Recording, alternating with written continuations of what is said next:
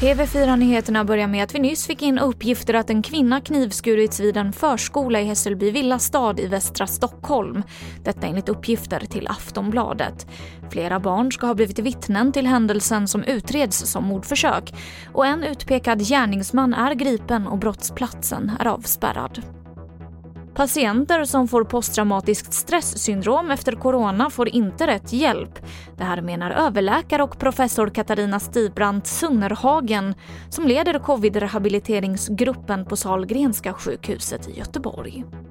Man får inte rätt hjälp idag. Vissa får det, men, men, vi har ingen struktur så det finns liksom vart ska man vända sig? Vem ska man, hur, ska, hur ska man veta vart man ska gå? Vi har satsat mycket på att hjälpa människor att överleva och då måste vi också lägga resurser på att hjälpa folk att komma tillbaka till livet. Och till sist kan jag också berätta att det är fler som flyger med SAS igen.